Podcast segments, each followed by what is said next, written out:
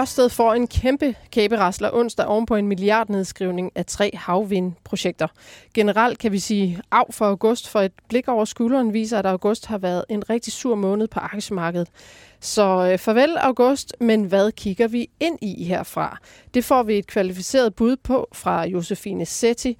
Hun er chefstrateg i Nordea og tidligere medlem af vores All-Star-team her i Børsen Investor Podcast. Vi ringer hende op om lidt.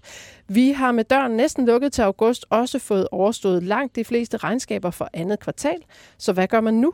Hvor alle tallene er lagt på bordet, og selskaberne er kommet med deres guidance. Øh, man foretager selvfølgelig et porteføljetjek. Øh, eller det er i hvert fald, hvad du gør, Nina Movin. Præcis, korrekt. Velkommen til, og du er administrerende direktør i Otto Mønsteds Fond og styrer en portefølje på cirka 500 millioner kroner. I aktier, ja, I og aktier. milliard i alt, ja. Godt. Nina, et hurtigt spørgsmål her i vores opvarmningsheat. Kan du få sommerfugl i maven over en uh, investerings- eller en aktiecase, du endnu ikke har uh, begivet dig ind i? Lige nu og her? Ej, jeg synes, det er svært at få, at få øje på nogen, der sådan lige uh, stråler. Ja, hvornår fik du det sidst? Um, Ah, det er lang tid siden. Okay. Adidas måske, okay. som vi jo har talt om her. Og som vi faktisk også har haft i porteføljen i år, men uh, solgt, uh, solgt fra. Velkommen. Tak. Og Johnny Madsen, øh, velkommen også til dig. Du er tak. investeringschef og partner hos Formue Investeringspleje. Og du får også lige et hurtigt spørgsmål her. Hvad er det bedste råd, du ofte giver dig selv som investor, når bølgerne går højt? Altså enten, enten lavt eller højt, ja. Jamen det er læst mest af, det er at sætte sig tilbage og så sørge for at analysere øh, situationen, eller hvad med at lave noget over lille øh, kortsigtet. Det bedste råd, det er som, som, som ofte at sætte sig på hænderne, øh, og, så, øh, og så lade det hele dampe af. Og hvis man så, hvad har nu, øh, får analyseret situationen rigtig godt, så er det, når det bølgerne går højst, og alle folk løber skrigende bort. Det er faktisk det, at du gør det i bedste køb. Godt. Tak for det råd, og velkommen. Tak. Og velkommen også til dig, Simon Kirketab. Du er investorredaktør på Dagbladet Børsen, og lige nu står du over for en ny sæson af Børsens aktiespil. Ja. Og øh, her inviterer vi øh, alle, der har lyst til øh, og tid til at sammensætte en portefølje af fem og op til 20 aktier for 500.000 fiktive kroner. Og så udover at man selvfølgelig tester sine egne evner og strategier, så kan man måske også være så heldig at vinde nogle præmier. Kan du løfte sløret for, hvilke aktier du har tænkt dig at proppe i din portefølje i år? Ah, jeg vil jo ikke øh, udlevere alle mine gode kort her, øh, men jeg kan sige, at jeg skulle godt nok have holdt den portefølje, jeg havde sidste år i, øh, i det virkelige liv også, fordi den har, øh, den har givet omkring 70 procent i afkast øh, på et år. Det var Danske Bank, Novo, Torm, DS Norden og så øh, Hafnia Tankers. Det har wow. virkelig været, øh, været guldrendet, så det kan jeg sidde og ærge mig over. Men jeg tror, jeg vil gå en anden vej i år, fordi jeg kan jo se, at øh, det, der ligesom øh, har leveret sejren til alle dem, der har vundet de foregående fire sæsoner i hvert fald, det er biotech. Og i det virkelige liv, hvis der er noget, jeg for alvor har brændt fingrene på, så er det biotech. Jeg har af to omgange øh, oplevet at tabe 80% i biotech-aktier på bare en enkelt dag. Så det er faktisk noget, jeg normalvis har meget respekt for. Men øh, jeg tror simpelthen, jeg vil øh, gå det øh, univers igennem, og så prøve at se, på biotech-aktierne, hvor kan der komme nogle udmeldinger om nogle forsøgsdata hen, og så vil jeg lave højt spil på det. Mm, det er vel ja. også det, nogle af vinderne netop har gjort, Jamen det er det nemlig, ja. det er det nemlig, men det er jo, øh, det er jo virkelig øh, øh, meget sort-hvid, altså enten så øh, går det hjem, eller også får man simpelthen nogle ordentlige slag på det, men mm. øh, tænker, i år, der må, det, der må det være alt eller intet. Så, og så vil jeg lige sige til dig, Johnny, jeg var lidt overrasket over, at øh, dit bedste råd, det ikke var det klassiske spredning-redning. Det synes jeg altid, du plejer at komme med. Ja. Det er det næstbedste. så har vi fået to råd her. Godt. Hermed er invitationen givet videre til at deltage i vores aktiespil, og velkommen til jer, der lytter med. Mit navn er Gro Højer Tilst.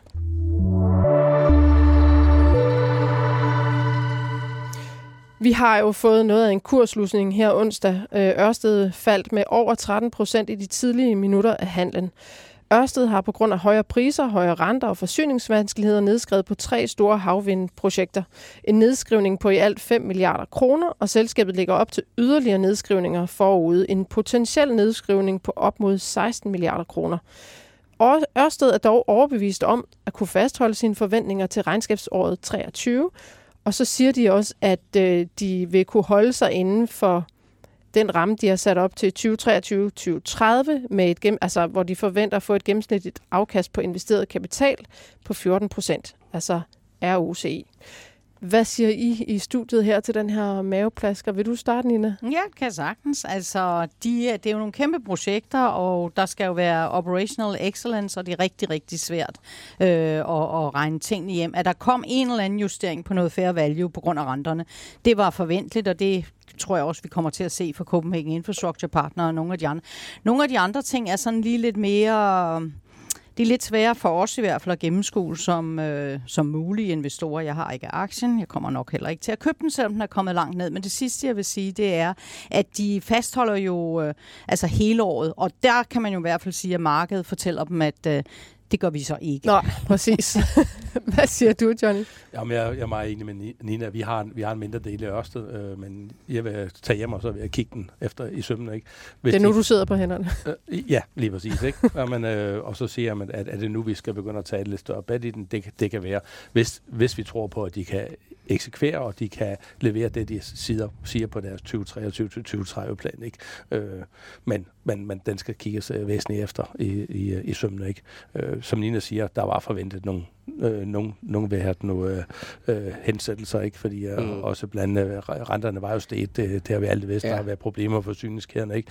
Men er, er det mere strukturelt eller ej, ikke? Mm. Fordi som også du, du står over for øh, det, verdens største verdens havvinder, verdens konstruktør, sam, øh, og der skal bare ture på den grønne omstilling, så, så hjælper det ikke noget, at, øh, at man ikke kan tjene penge på det. Så det kan være lige pludselig, der bliver lempet lidt fra politisk side, ikke? og det er jo altid den dark horse, som jeg faktisk personligt normalt hader, det at sige, at det med politikere og deres, øh, øh deres, deres lyster er, er utrolig svært at, at så investere efter. Men det kan være, at aktien nu er blevet så billig, at, øh, at det er ved at tage et, et, et rigtigt bet på den. Ja, så Men, altså en trigger kunne være, at politikerne forstår, at de skal nok hjælpe lidt, altså ja. som de har hjulpet for eksempel vindmølleindustrien i gang, og Ja, men, så hjælpe ja, yderligere.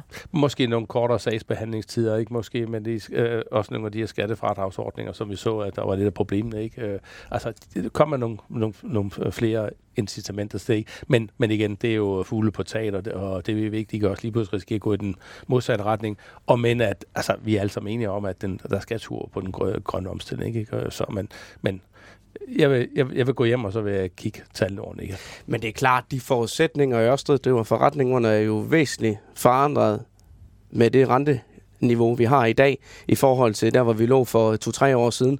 Der skal jo noget mere til for at kan regne de projekter hjem, og det gør det jo bare simpelthen sværere for dem.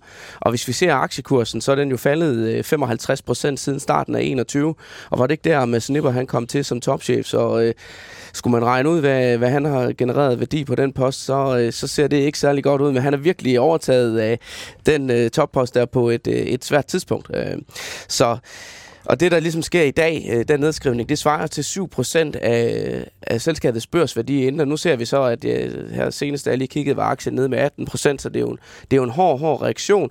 Og nedskrivning, kan man sige, det er jo ikke noget, der rammer cashflowet her og nu, men det er jo noget, der ligesom gør lidt ondt alligevel, fordi det her er trods alt nogle penge, der er blevet investeret på et, et tidspunkt.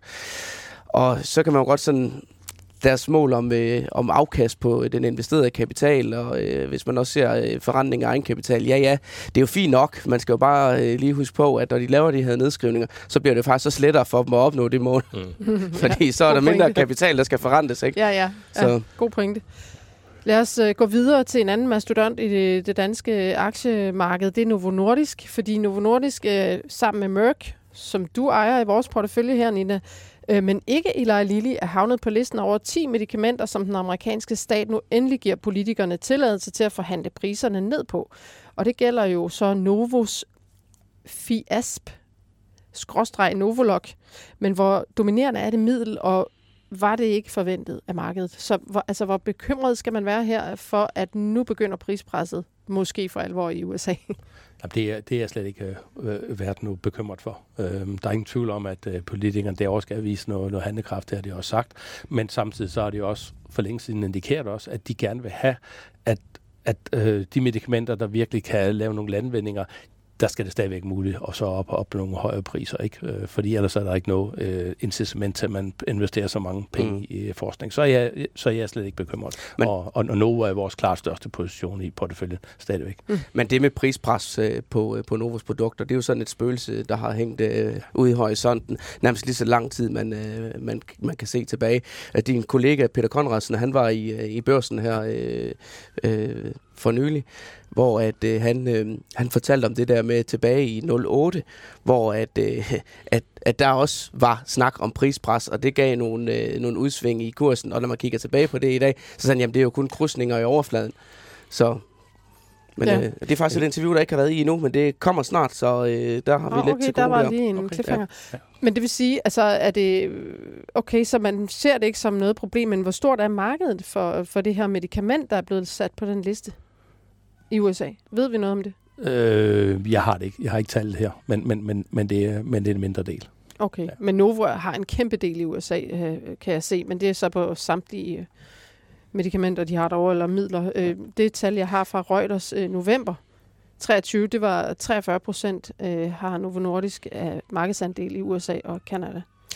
Men vi kan jo prøve at kigge på aktiekursen og så se, hvordan den har Ja. reageret, siden den her nyhed den kom ud. Mm. Mhm. Og der er jo ikke rigtig sket noget. og Det er Der jo kom meget, jo også en anden det- nyhed, de det har købt meget- op. Ja, et mindre opkøb, men det er jo sådan en meget god indikator for, om, om det er noget, markedet ser en stor risiko i. Og det, øh, i hvert fald ikke, det er i hvert fald ikke det, vi kan se på kursen. Hvad med dig, Nina? Jo, altså de første 10 øh, navne på, på produkter, som skal øh, under Inflation Act, altså vi skal have priserne ned, de er kommet ud, og som du nævnte, så var det forventet, at Merck havde en, vi vidste ikke, hvad for et af deres produkter det var. Man frygter jo altid, det er Mm. af de kæmpe sælgende. Det var så et øh, type 2-diabetes øh, produkt, og øh, hvor den der Medicare, de giver dem omkring, de koster omkring 4 milliarder i det dollar, men jeg har været inde og kigge lidt på det, og det er et produkt, som man allerede tilbage i 2016 ligesom var begyndt at, f- at flade af. Så de, mange af de første produkter her, som jeg ser dem, er store, men nogle af dem er også nogle af dem, der flader lidt ud og er fladet ud for lang tid siden. Så for Merck er det der ikke et issue, men hele det, nu kom der 10 produkter her, der kommer 10 produkter igen til næste år, mm. og så kommer der yderligere. Altså jeg, jeg tror, de mener business this time around, det må jeg sige. Og, og, men stadigvæk, de starter mildt. Ja, Joe Biden var jo også citeret for at sige, så er det slut. nu kan I ikke tjene alle de penge, som I... Men lad os se, det Ja. går jo langsomt nogle gange i politik. Og vi har jo et helt andet prisstruktur på det amerikanske marked, end hvad vi kender her hjemme fra Europa, som gør, at, at priserne på lægemidler faktisk er meget, meget højere i, i USA. Så ved jeg ikke, hvor meget vi skal tale videre. Altså, der er noget øh, værft, øh, nedlæggelse på Vestas' øh, værfter, og der er Koloplads har lavet en ny rettet emission. Er det noget, vi skal kigge på der? Ej, altså for Koloplads vil jeg bare lige sige, at øh, de har købt det her firma op i Finland, og nu går de ud og gør det, som vi jo godt kan lide, øh, får pengene ind med det samme. Nu må vi se, om de får pengene, men det ser ud som om, at de... Så, så hvis man lige svirper over til GN Jeg Store Nord, og ja, deres det minder problemer, lidt om en anden så synes jeg på case. en eller anden måde, at det så rigtig flot ud, da den kom ud i går aftes. Men så må vi se, om de får penge. Det var 9,2 millioner, ikke? I, Øh, milliarder. milliard. ja, undskyld, milliarder, ja, og, det de har jeg er, også. og, og de er allerede, øh, de Ja, er ja. allerede placeret. Ja, ja, det De kunne er, man de er se. placeret. Ja. Ja. Men, men jeg synes, selv som Nina siger, jeg synes, det er en god måde at gøre det på. Du finder, du finder en øh, opkøbskandidat, du får til opkøbet, du laver en rettet aktieemission og kører videre. Det er det samme måde, som øh, DSV kører på. Og det er fint, du kan tage stilling til det øh, løbende ikke, som, øh, som, som investor. Og, og så kan man sige, at okay, hvis du synes, det er værdiskabende, tommen op, jeg går med. Hvis det ikke er værdiskabende, tommen ned, så lader vi med at gå med. Mm. Ja, og så ved man, hvad man har at regne mm. med. Nu er nævnte du lige uh, GN Store Nord. Vi kan jo sådan lige trække stregerne tilbage til det, jeg sagde med Ørsted der med, at deres uh, forretningsgrundlag uh, er, er ændret med den stigende rente. Og det var jo der, vi havde uh, GN Store Nord, der var ude og lave, lave det her meget store opkøb af, af Steel Series til, hvad var det, 8-9 milliarder, 8 milliarder. 8 tror jeg, milliarder. det. Ja. som de jo så valgte at De skulle gældsfinansiere. sikkert have givet to. som de Men så, det havde sådan som- set, bare de havde fået det som- finansieret. Ja, som de så valgte at gældsfinansiere Ja. til en meget, meget lav rente, og så er problemet jo så bare, at renten den er hamret op i mellemtiden, ja. og nu står de jo så og har kapitalproblemer. Uh, ikke særlig heldigt, så det er jo fornuftigt. for Så den det her, det er et skoleeksempel i, ligesom hvordan man skal det gøre. Ja. ja. Ja. Så er der Zealand Pharma har fået en hurtig sagsbehandling i USA til sit middel mod forebyggelse af be- og behandling af medfødt hyperinsulisme hos børn. Det er en sagsbehandling, der så går fra, fra 10 til 6 måneder. Er det noget, man øh, kan juble over, eller... Det er positivt. Ja, men det er jo ikke ens betydende med, at tingene ikke kan gå galt alligevel. Nu Mm, kom jeg til præcis. indledningen at nævne, at jeg selv havde oplevet at tabe 80% på, på to biotech-aktier. Det var Øh, måske den ene. Det, øh, nej, det, det, det har ikke noget med Siljan at gøre. Det var to udenlandske selskaber. Men øh, de havde også fået fast track, og det hele det så super godt ud. Men da så deres øh, fase 3 forsøgsdata kom ud, så virkede midlet ikke alligevel. Ja, så, det minder så om det kan altså, øh, det, det, det kan altså godt gå galt alligevel. Ja. Sidste ting, jeg lige vil nævne, det er Rockwool, øh, som nok det sidste store danske selskab, de lander med et regnskab her onsdag i løbet af dagen. Er der noget, I vil kigge efter? Eller? Altså, Rockwool er ikke en af dem, vi har i, øh, i, øh, i porteføljen, ikke? Men, men det er selvfølgelig spændende at se på, om de, om de fastholder deres øh, forventninger. Ikke? Øh, og så er der sikkert stadigvæk fokus på, hvad gør I i Rusland ja. med jeres fabrikker? Ikke? Og, og hvordan det går det med byggeriet? Lige præcis, ja. ikke? Så, ja. ja, okay. Godt. Jamen, øh, lad os øh, springe videre i programmet.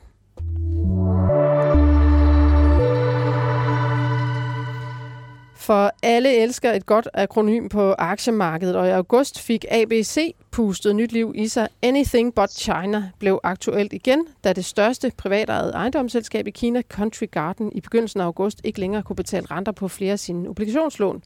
Det medførte overskrifter om kæmpe kollaps af det kinesiske ejendomsmarked og overskrifter, der tog snakken videre om, øh, hvad det kunne betyde for den globale økonomi og de globale aktier. Josefine Setti, velkommen til. Tak. Du er chefstrateg i Nordea, og øh, du er med til at udpege bankens taktiske allokering, og derfor en begivenhed som øh, det, vi har set og været vidne til i Kina i august, det er jo noget, I tager med i jeres overvejelser. Men sådan helt overordnet, hvordan, hvordan vil du indramme hvad der er sket øh, i Kina øh, i ejendomssektoren i august? Men altså, det, jeg vil sige, man, jeg synes, det er vigtigt, at man lige sætter den her seneste uro i, i perspektiv, fordi man kan sige, nedturen og bekymringerne omkring Kinas ejendomsmarked og hele det her skyggebankmarked, som der også er meget fokus på nu igen, det er altså stået på i, i nærmest et år 10. Øh, og, øh, og så har det været ekstra presset, det her ejendomsmarked, siden 2020, fordi det kinesiske styre faktisk indførte sådan et helt nyt regelsæt, de, man kalder uh, Three Red Lines, altså, som var et regelsæt om, hvor, hvor gældsatte de her ejendomsselskaber øh, i Kina måtte være, øh, og som tvinger dem til at nedbringe gælden. Øh, og der så vi jo også der i 2021, hvordan det gik med, med Evergrande. Så, så det her, det er jo ikke noget nyt. Altså, det er jo noget, der har stået på længe, øh, og nu er der så kommet noget op til overfladen igen. Øh, jeg vil også sige, altså har Kina fået meget fokus over sommeren her, men faktisk har kinesiske aktier, hvis du kigger på Hang Seng-indekset, øh, det har jo været på en længere glidebane hele året, og, og er jo faktisk i et bæremarked siden det toppede der til tilbage i januar, hvor det er faldet 20 procent nu. De kinesiske ejendomsaktier øh, er faldet over 30 procent her øh, i år. Øhm, og mange af de der private ejendomsudviklere, du har ligesom de statsejede og de private i Kina, øhm, jamen de er jo kollapset fuldstændig og allerede faldet mellem 60 og, og 90 procent. Så vi skal bare lige sådan huske også, at det her det er altså et marked, der i forvejen har været i pres øh, over en lang periode. Ikke? Men, men som du siger, det er jo enormt interessant, synes jeg, det der med, hvordan stemningen på Kina, øh, den bare på et år er jo gået fra det ene ekstrem til det andet. Fordi jeg kan huske, sidste år, der var alle investeringsbankerne enige om, at Kina var uinvesterbart, det var uninvestable, og så her over vinteren, efter genåbningen, så væltede vi os i positive overskrifter. Um, og nu er vi så tilbage, det du siger, øh, ABC, anything but China. Ja. Um, og, og overskrifterne er virkelig, uh, er virkelig uh, negative, kan man sige. Ikke? Um, og er du enig i ABC? Altså, jeg vil sige det sådan, jeg synes, at det er, uh, hvad hedder det, det er selvfølgelig bekymrende, uh, det der skal ske, og der er ingen tvivl, eller det der, det der sker lige nu, og der er jo ingen tvivl om, at, at det, som man kan sige, øh, man sidder og spørger sig selv om, jamen det er det her med, jamen hvis de her private ejendomsudviklere, hvis der er flere af dem, der, der ikke kan honorere deres gæld, hvad for nogle konsekvenser får det for den kinesiske banksektor, på skyggebanksystemet og den overordnede økonomi i Kina, men allervigtigst jo, hvad, hvad kom, hvordan kommer det til at påvirke den globale økonomi? Øhm, og hvordan, og, hvordan og dermed du, andre ja. øh, aktier. Ja. Hvor, og hvordan der besvarer jeg, du det spørgsmål? Ja, men der tror jeg, hvis jeg skal give min konklusion op front, så tror jeg, så er, er, mener jeg, at sandsynligheden for sådan en reel kollaps og økonomisk nedsmeltning, den er forholdsvis lav. Um, så det er ikke, fordi jeg ikke går og bekymrer mig om situationen derude, men der er, og der er slet ingen tvivl om, at ejendomsmarkedet i Kina er noget, der vil tynge væksten i de næste mange år. Okay. Uh, og at Kina har nogle strukturelle udfordringer. Men jeg vil sige det sådan, jeg, sidder, jeg tror ikke, vi får det her Lehman moment, uh, mange, mange taler uh, om. Og jeg vil også sige, at der er altså også en masse lyspunkter i Kina, som vi måske kan, kan komme tilbage til. Ikke? Så jeg står ikke og panikker. Jeg tror faktisk, at den globale vækst, når jeg sidder og kigger på det sådan fuldstændig fra helikopterperspektiv, den vil klare sig udmærket i år, også selv om Kina skuffer og måske ikke når sit øh, 5% mål, men kommer lidt under der. Øhm, og også selvom USA måske heller ikke kan holde det her meget stærke momentum, vi har set de sidste par kvartaler. Så jeg er ikke bekymret øh, for retningen for aktier øh, herfra. Jeg tror fortsat, at globale aktier vil, vil fortsætte op. Okay. Øhm, hvad, hvad, øh... Må jeg lige sige en ting? Altså, øh, i forhold til Kina, og hvor, hvor vigtigt det er for global økonomi. Altså, øh, der er jo tal fra IMF, øh, den internationale valutafond, der viser, at for hvert procentpoint, Kinas øh, økonomiske vækst den stiger, så stiger den globale vækst med 0,3 procentpoint. Så det er ja. jo en af de helt store driver i forhold til global økonomi, at øh, vi ser øh, gå ned i gear her. Så, ja. så det, har jo, det, det har jo betydning, det må det, man sige. Det, det har en betydning selvfølgelig, men jeg tror heller ikke, altså det er igen det der med, så det er et spørgsmål om, om nu alle regnede med, at de måske vil vokse 6% i år. Ja. Øh, og nu er forventningerne kommet ned, om det bliver, altså jeg tror ikke, det bliver 2%, altså, men nej, om det nej. bliver 4 øh, eller 4,8. Og så har vi jo på den anden side i det her globale puslespil, så har vi jo USA, som har været meget stærkere, end man havde regnet med. Ja. hvor væksten jo ikke var forventet at, at være særlig stærk i år, men hvor de jo altså har, har overrasket på opsiden. Så USA trækker jo op, og så er Kina måske ikke helt så fantastisk, som alle havde håbet på øh, i starten af året. Øhm, så, så jeg sidder, når vi sidder og kigger på, på, på indtjeningen, øhm, så kan man sige, at hvis, hvis væksten sådan holder sig nogenlunde, øhm, og, og den der tro på, at, øh, at der kommer sådan en blød landing i, i økonomien, så tror jeg også, at der er mange analytikere, som, øh, som sidder og er klar til at opjustere deres indtjeningsestimater. Øhm, og det kan jo understøtte. ja, altså for, ja. ja, fordi at, at de er altså stadig meget, øh, de er faktisk stadig meget konservative, når man kigger øh, på det. Og nu kigger jeg meget på, på globale aktier som helhed. Ikke? Der forventer man faktisk øh, altså negativ indtjeningsvækst øh, i år øh, okay. for, for globale selskaber som helhed. Og det er ret usædvanligt, altså hvis, hvis væksten holder nogenlunde stand og, og bliver øh, moderat på, ja. på global Vi har to plan, investorer herinde i studiet, der sidder og ryster i bukserne over, hvad der sker ude i Kina, eller hvad? Nej. Er det rigtigt? Absolut ikke. Ja.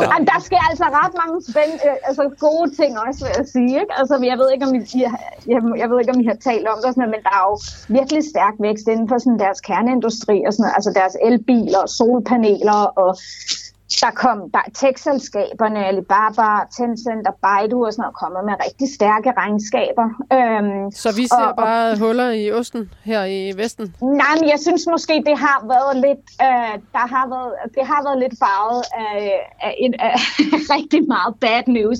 Og nogle gange også det der med, at man lige glemmer at åbne motorhjelmen og dykke lidt mere ned i tallene. Øhm. Okay. Josefine, jeg skal lige høre, hvad, hvad, siger, hvad siger du for eksempel? Om, altså, det er jo en fin analyse, Josefine øh, giver her. Altså, jeg, jeg sidder mere og kigger på, hvad er det for nogle signaler, der kommer fra toppen, fordi de har været lang tid om at åbne økonomien reelt.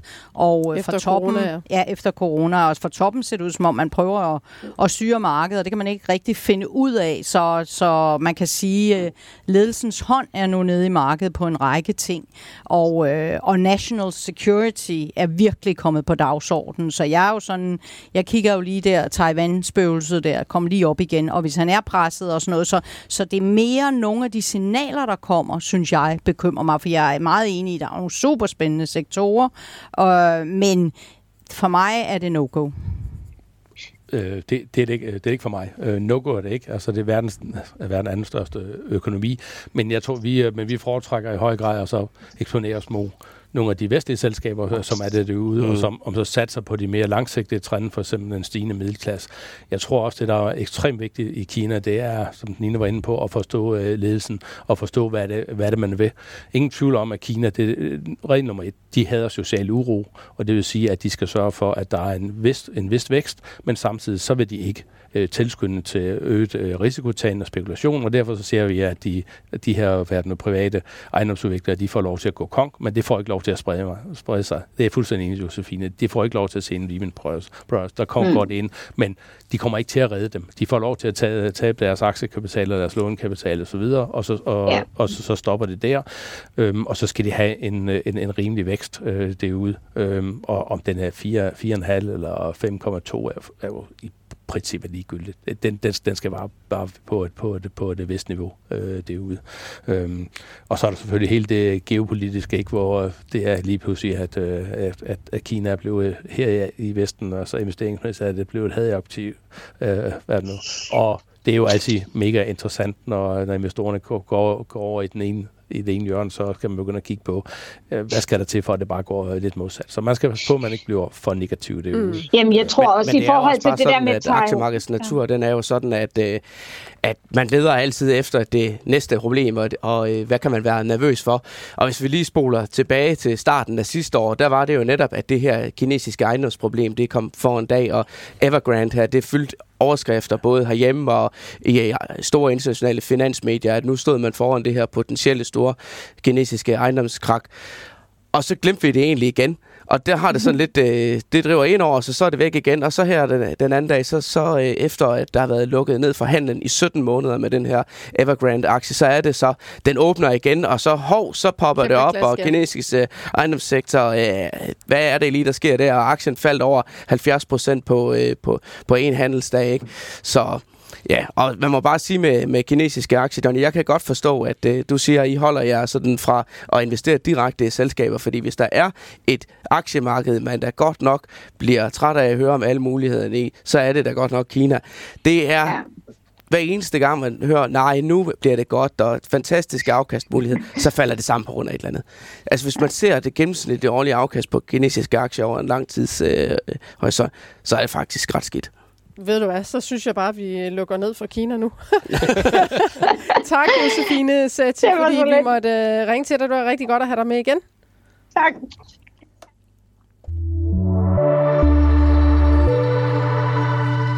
Så skal vi uh, smøge ærmerne op, fordi det er blevet tid til det her portefølje-check. Og uh, Nina, hvad gør du typisk på sådan en bagkant af en regnskabssæson? Altså, nu siger man jo altid det der med, at et enkelt kvartal er jo ikke kan man sige, udslagsgivende, men det er klart, at, at, at du finder ud af, hvad, hvad sker der i de enkelte, især dem, hvor du har store positioner, og især der, hvor du bliver lidt overrasket. Hov, der skete alligevel et eller andet her, ikke? fordi det kommer jo i de der kvartalsmeddelelser. Og øh, jeg kunne se, fordi nu spurgte du mig, at jeg har mest været sælgende efter det her kvartal. Og det er jo noget med at tage en lille smule gevinst, men også og så bare tage noget ud, som man tænker, okay, det kan godt være, at den her aktie kommer igen, men det kommer til at tage rigtig lang tid. Og på den konto havde jeg jo så øh, GN, hvor jeg havde en meget, meget lille position tilbage, og den satte sig meget kraftigt, og conference callet var egentlig okay, og det de sagde var okay. De begynder at styre på gælden. Det, øh, den ene division øh, vokser rigtig pænt, og den anden mm, er der store udfordringer, men det er alligevel et selskab, hvor man kunne høre, at ledelsen havde meget tro på det her. Og analytikerne havde sindssygt lidt tro på. Altså, der blev hele tiden spurgt ind til, hvad tjener I på de her produkter og sådan noget. Så det skal nok komme. Det kommer bare til at tage rigtig lang tid. Og ja. det tænkte jeg, ah, der var sådan en lille, lille bitte ting tilbage, og der var alligevel samlet lidt profit på det hele, så tænkte jeg, den, den ryger ud. Ikke? Så det er et meget godt eksempel. Og på den positive side var det selvfølgelig Amazon, som jeg havde været langt om at komme ind i, men, men alligevel var gået ind, og så kom der jo faktisk, øh, jeg tror, der var 11 procent op på indtjeningen, cloud-forretningen går godt og sådan noget. Der tænker jeg, okay, den kom skulle lige out of the blue, den der. Den, den var, det var ikke sådan en af de der så, så der tog jeg også lidt profit. Og endelig har jeg taget profit på DNB, altså den, øh, den norske bank der. Ikke? Og det, den var jeg inde i. Jeg godt lide selskabet, øh, og så tænkte jeg, måske kommer den norske krone op på et tidspunkt, men det synes jeg ikke, der kunne se noget ud. Så det er bare for at give nogle eksempler, men altså, der har ikke været meget. Og så har jeg faktisk købt ind i Lundbæk, fordi jeg tænkte, nu har okay. de fået det der ledelsesskift på plads, og Monique, den Ja, du kan godt lide, når der bliver skiftet ud på Ja, Monique, der kan komme lidt, øh, det ved jeg ikke. Det var det. Okay, hvad med NKT? Havde du ikke også... Og øh... NKT, uh, det er en lang historie, men oh, jeg skal okay. gøre det kort. Øh, jeg har jo lige været i Skotland og uh, se på de her uh, vindmølleprojekter, der kører deroppe, og det er jo fantastisk, hvor meget gang der er i det der. Man bliver jo helt swept away, og så så jeg lige, at de havde, uh, de havde de fået en stor ordre derop til at linke hele elnettet sammen og til at tage uh, elektricitet ind fra uh, møllerne derude, og det er Vestasmøllerne, mange af dem, der står deroppe ud fra Aberdeens kyst, men også andre steder. Og øh, det er så en rammeaftale, den kommer sikkert op på en milliard euro, og det, først, øh, det sidste skal først leveres. Øh, det er jævnstrømskabler øh, frem til 2030. Men øh, det, det konfirmerede bare min tro på, at det der grøn energi, de rigtige selskaber, og NKT er for mig det rigtige selskab, for de har også muligheden for at genforhandle, hvis der sker noget med de råvarer, der indgår i deres kontrakter. Og det tror jeg er en rigtig vigtig parameter at have med, når man går ind og investerer i de der selskaber. Er det nogen, der har et sag i forhold til, hvad der sker? Fordi det er jo meget, meget vanskeligt. Og... Hvorfor har de muligheden? Hvad ja, der, de lægger, det er jo mange, nogle mange lange kontrakter, og så kan du gå ind og justere også med noget inflation og sådan noget. Jeg kan slet ikke detaljerne, men, men de står lidt bedre, når okay. du har sådan en, en rammeaftale, og de enkelte vilkår er jo heller ikke faldet på plads. Det er jo noget af det, Vestas kæmper med faktisk det modsatte. Så øh, jeg kan godt lide NKT, jeg har også købt yderligere op i den. Undskyld, jeg glemte. Nå, det er ikke noget. Der er en aktie, jeg er nødt til lige at spørge til, Nilla. ja. Fordi øh, da vi lavede de her sommerpodcast, hvor jeg havde alle jer faste paneldeltagere ja. igennem en, øh, en spørgetime, kan man jo kalde det, der øh, snakker vi lidt om det her med, at du har den her forkærlighed for selskaber, der har lidt skidt, der går ind og kigge på, øh, er der noget, der er ved at samle op efter øh, et de har fået et ordentligt slag. Ja. Der var vi inde omkring uh, Siemens Energy, som jo var oh, ude med, Gamesa, ja. med, en, ja. uh, med, en, med en ordentlig Energy, uh, nedjustering uh, før sommeren ja. på grund af nogle problemer i deres uh, serviceforretning. Ja. Og aktien den faldt de her, var det ikke nærmest 30 procent på jo, dagen? Øh, jo, ja. det gjorde 27 eller 30, ja. Og der sagde du, at uh, den vil du kigge uh, nærmere på, og ja. de vil komme med en melding her hen i august. Ja, uh, den er kommet, det var 8. august, ja. Så vi skal lige høre, hvor ligger den aktie hen hos dig nu? jeg var faktisk inde og lytte, og jeg synes også, øh, det lød meget bedre, ja. øh, det de kom ud med der. Det var i forbindelse med regnskabet. Men øh, jeg synes alligevel, der var så mange parametre oppe i luften, øh, som de kunne justere på, og som de måske ikke havde helt styr på. Men, men de havde klart mere styr på det, end, end det første kald. Så jeg har ikke købt ind i den, nej. Og jeg er altså lidt forsigtig med hele det der vindmølle. Jeg, jeg har ikke nogen vindmøller. Jeg har en KT, og jeg har sådan alle de der Dem, der leverer andre, rundt om. Alt ja. det rundt om. Jeg har ikke vindmøllerne. Jeg synes, de har svært ved at prise de varer. Og, det, og, og så, nu var det ja, var jo det operation. så vi også med Vestation, ja. med endnu et ja. uh, underskud. Ja, jeg ikke, men, men altså, for, for det andre var det jo også uh, operational. Altså, det var jo uh, dele af møllerne, der ikke fungerede ordentligt. Ja. Og, uh, og de havde vel mere eller mindre givet frit lejde til folk kunne komme og sige, altså, der er det og det er galt, mm. altså internt, så du kan få det rettet. Det er en lang proces. Jeg synes, det lød bedre, men det var ikke nok til at købe ind i aktien. Okay. Johnny, hvad med dig? Sådan en uh, portefølje-check, er det noget, du gør, uh, eller uh, foretager dig? Ja, altid. Ligesom, lige smør motoren. Vi er, altså, vi er også med på conference call hver eneste gang, at en af vores selskaber kommer, eller dem vi har i kigger den. Ikke? Men for os, altså det er sjældent, vi handler på et, på et kvartalsregnskab. For os, der gælder det om at finde uh, selskaber, som, finder, som skaber langsigtet værdi, og så bruger vi det, som Nina siger, et portefølje-check. Er de stadigvæk uh, on, on track på at, på at levere det, vi tror på lang sigt? Og så er der altid kortsigtede udfordringer, eller kortsigtede modsat, lige pludselig en kvartal eller anden så er der måske lidt større ordreindgang øh, næste kvartal, så er det lidt under, afhængig af lige, hvordan ordre bliver placeret, eller så er råvarerne steget det ene kvartal i forhold til det andet, hvornår har de så afdækket til, og så, så pas, pas på, at man ikke overgør hverken øh, det positive eller negative, mm. sådan kvartalsvis eller halvårs, eller ovenikøbet års på, på årsbasis, fordi det kan variere rigtig, rigtig meget. For os er det vigtigt, at det er den langsigtede øh, værdiskabelse, som, er, som, jeg, som jeg tror på, øh, som er, er intakt. Og vi har ikke lavet det. Altså, vi har ikke lavet noget på bag, på basis af, af de kvartalsregnskaber. Var der, der nogle diskussioner, I skulle have på baggrund af det, regnskaberne vist i det her kvartal? Øhm, ikke, altså det, vi har en ongående diskussion om, hvornår vi skal reducere i Novo, øhm, og, det, og vi, har, vi har gjort det en gang øh, sådan i, det, altså i uh, forsommeren. Ikke? Ja, det gjorde da helt ondt på dig. Det gjorde det, og det gjorde det ikke, men, øh, men igen, når den, når, når den vægtede et stykke over 10 procent direkte i vores eksponering i aktieporteføljen, så det var for meget. Øh, så tog vi en fjerdedel af, og vi har også nogenlunde samme diskussion nu, og så siger okay, hvor, hvor længe vil vi? Men jeg synes bare, at det er... Ja, det er jo et problem, når den bare bliver ved med at stige. Og så... Ja, og det er jo selvfølgelig et positivt problem, ikke? Øh, og, det, og det er fint, ikke? men vi er super, super bullish på, øh, på det selskab stadigvæk. Ikke? Men altså, vi kommer jo også til at reducere, som du siger, spredning af redninger, det skal vi selvfølgelig leve op til. Men omvendt vil vi jo heller ikke bare gå ud og så smide guld på gaden med, med det samme. Ikke? Og det er jo ikke sådan, at investeringsidéerne generelt står i kø. Øh, jeg tror, ligesom Josefine, at øh, globale aktier nok skal, skal, skal, skal komme højere. Folk er for nervøse, øh, og det ser ud til, at selskaberne generelt leverer, har leveret lidt mere til den positive side, så det er gået bedre end frygtet, og når vi får styr på renterne, skal aktiemarkedet nok få lov til at, at være noget, flytte sig lidt i opadgående retning. Så. Hvad med sådan en øh, aktie som Jyske Bank? Altså, der var, kunne man jo godt se, eller måske øh, fornemme, at der var nogle sådan fornærmede investorer, fordi de ikke kom med udbytte, som de ellers har sådan barslet. Jeg ved godt, året er ikke gået, men de har jo sagt, at der skulle komme et udbytte i 23, selvom de ikke har udbetalt længe. Øh, det er også aktie tilbage køb i stedet for, Lige præcis, ja. ja. Og, og, og, og det giver jo mening, så længe aktierne ligger et stykke under en værdi, så vil jeg da hellere have aktier tilbage køb, ikke? Altså sådan, at du så, så, så, så stiger mit, min, min hvad nu, andel af, af selskaber, og så kan jeg altid selv sætte du, når jeg vil. Så, så jeg har ikke noget imod, at, øh, at folk, øh, eller selskaberne, som øh, det mange også øh, får til aktier tilbage i, i stedet for at betale et højt udbytte. Når du rystede på hovedet, da du hørte Jyske Bank? Jamen, jeg, vi har, har haft den på en meget, en meget lille post. Jeg, jeg, jeg følger den ikke så tæt, men jeg lægger mærke til det der skift. Det var investorerne rigtig ked af, men ellers går den vel super godt, Jamen, den bank. Altså, den, det kører bare af. Jamen, banker, der har det rigtig godt nu. Altså, det er jo, men de har købt op, ikke? De har ikke købt noget op eller sådan noget. Der har ikke været noget jo, jo, svenske ja, ja. ja, var og det er, vel det, der giver, det er vel det, der giver sådan lige lidt... Uh... Det, det, det giver lidt ekstra oveni, ja, fordi at, uh, det var godt købt og, og på det rigtige tidspunkt, mm. men, men så er det samtidig med, at de, at rentemarginalen udvides, og, og du har stort set nogen taber hensættelser. Så en udvidelse af rentemarginalen og ingen taber hensættelser, det er jo Goldilocks, det er jo Goldilocks for bankerne. og så bare ud med, ud med kapitalen, som vi også kommer til at se i Danske Bank. Ikke? Så, som, så stiger egenkapitalforretningen. Det er lige præcis skulle til at sige det, Simon. Ja. Du, har, du har forstået det. Det er den måde, man får den op på.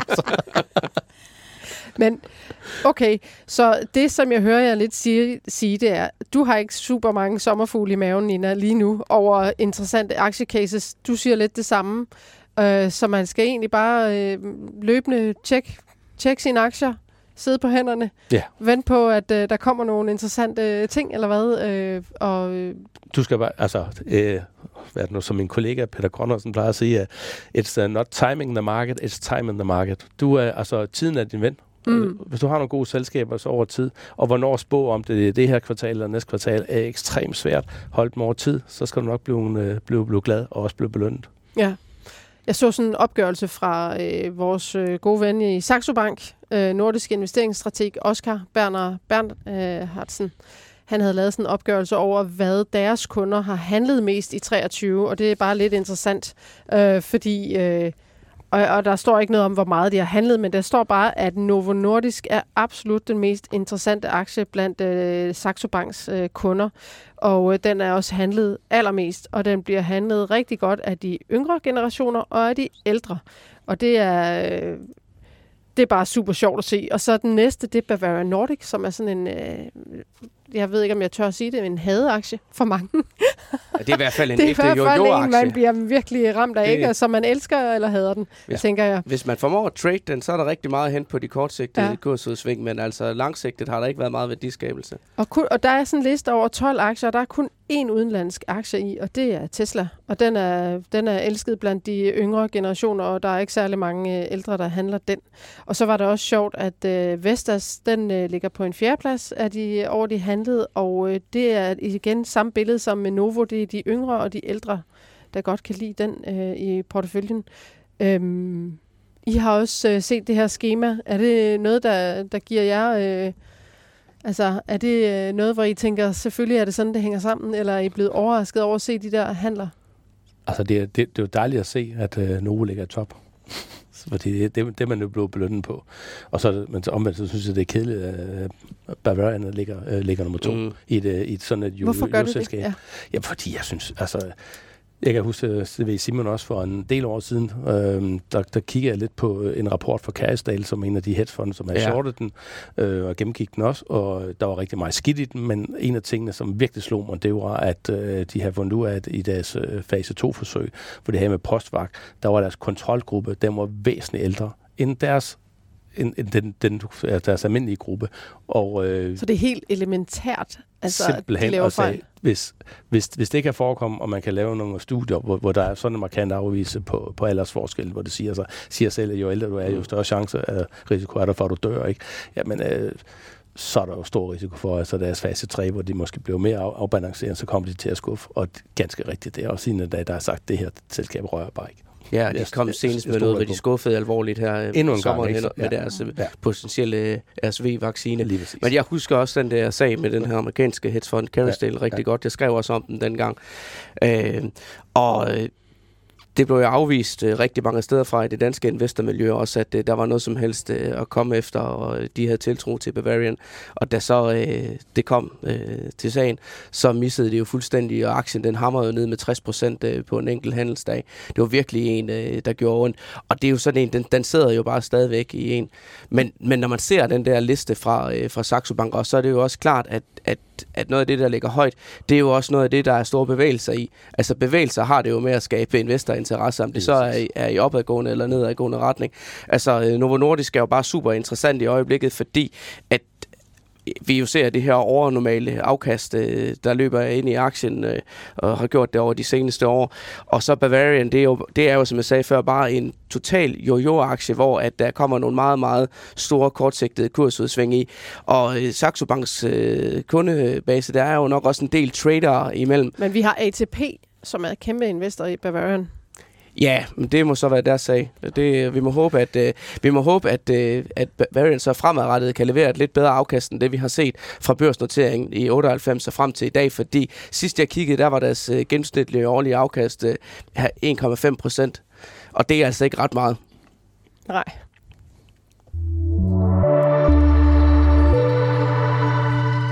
Og sidst jeg tjekkede vores All-Star-portefølje, der var den op med 17 procent i år, og det var i går, jeg tjekkede den.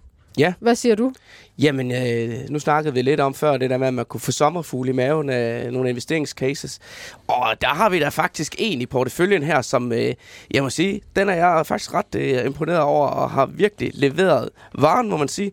Det er Ole Søberg, der øh, kastede sig over det her Hexagon Composite øh, tilbage i øh, juni måned. Vi købte 20. juli for øh, knap 70.000 kroner i aktien. Så sker der så det i øh, den 20. juli, der splitter aktien i to.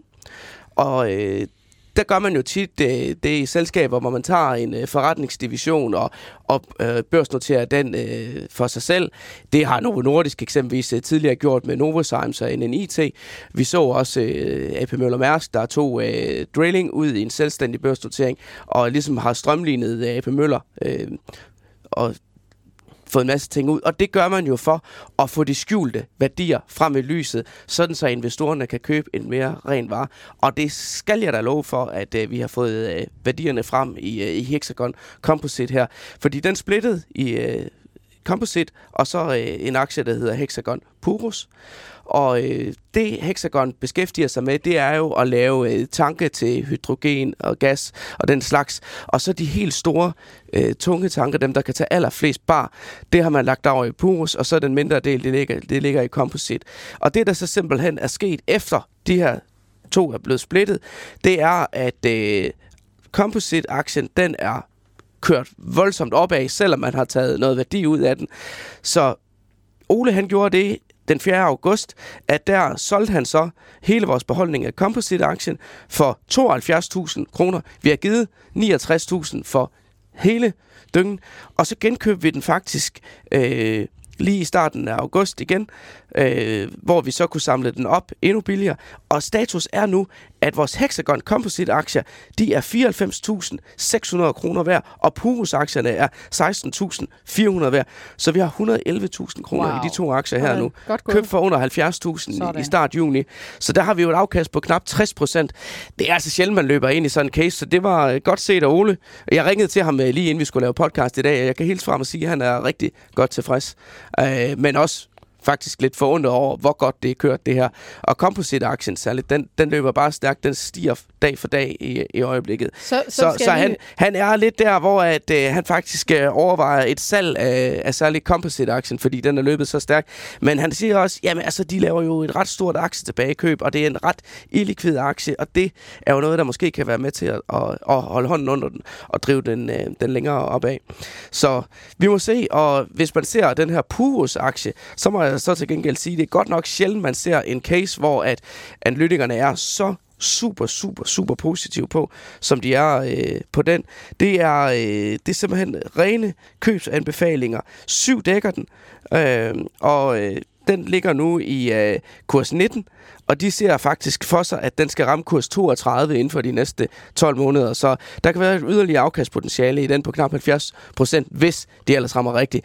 Og det vil jeg så sige, når man har fuldt den slags anbefalinger, så ved man, det er sjældent, de rammer spot on. Hvad siger du, Nina? Du er god til at tage din gevinst. Vil du, jeg synes, øh, det er super positivt, det han er gang i. Ja, Det var også ham, der havde SimCorp. Ja, jeg vil sælge. du vil sælge Ja, nu? ja, jeg vil sælge. Men, men Ole er god til det. Han er god til at lave analysen og så vente. Så jeg, det er lige, det er også hans, øh, hvad hedder sådan noget, signature trade, Ole. Det, det må man Det sige. der. Det må man sige. Så han har faktisk øh, leveret de to bedste cases til porteføljen yes. indtil. Nu, og den anden er netop SimCorp. Ja. Så vi kan jo lige tage status på porteføljen. Hvordan, hvordan ser den ud nu? Vi er øh, op øh, have en porteføljeværdi på 707.000. Vi startede året på 600.000, så det går jo rigtig, rigtig godt. Øh, markedet er selvfølgelig også kørt op, men jeg synes at vi har grund til at være, være tilfredse. Øh, og så øh, skal vi jo lige høre om din, Nina, også. Altså, øh, Ja, de har ikke flyttet sig. Nej. Men det, det må vi da ikke to gøre noget gode- ved. Det må vi da ikke Og gøre på noget to ved. gode Ja, regnskaber. det, det er Merck og ABB. Ja, altså Merck øh, synes jeg jo stadigvæk er, er super god, og der kommer stadigvæk positive nyheder. Jeg er ikke bekymret for det der med Inflation øh, Act, og jeg ved godt, der er ret særligt det der. Så den vil jeg beholde, men jeg kigger på ABB, og det er Kina-linket. Altså det er jo deres andet største marked stadigvæk, og øh, så den går jeg lige og tykker lidt på. Men ja, de har ikke Og det- bevæget sig, men de har heller ikke været nogen katastrofer, kan man sige.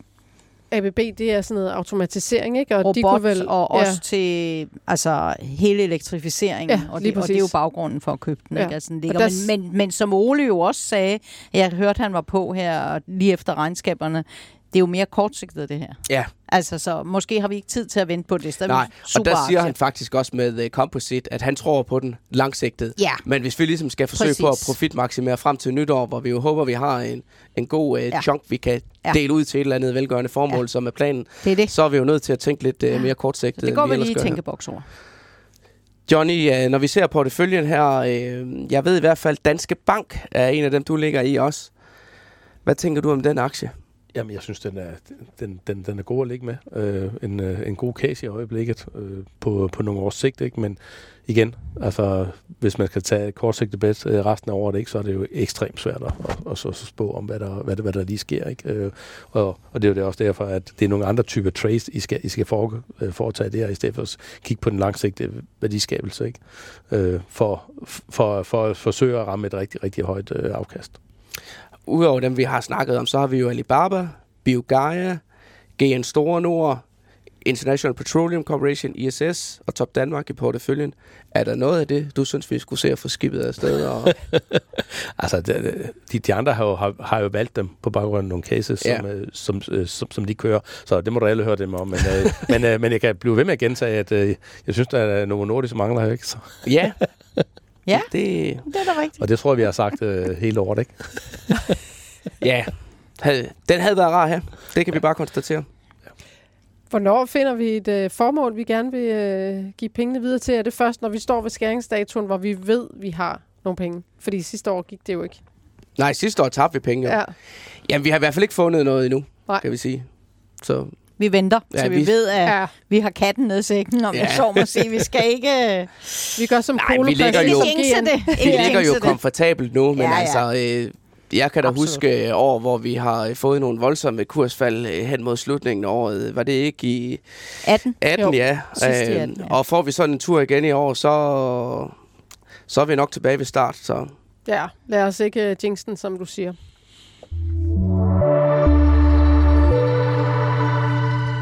Det var, hvad vi nåede med denne uges udgave af Børsen Investor Podcast. Næste gang vi udkommer er 6. september, med, men seancen optages dagen før i København 5. september kl. 17, og der er plads til dig, hvis du har lyst til at være med som publikum, og arrangementet er gratis.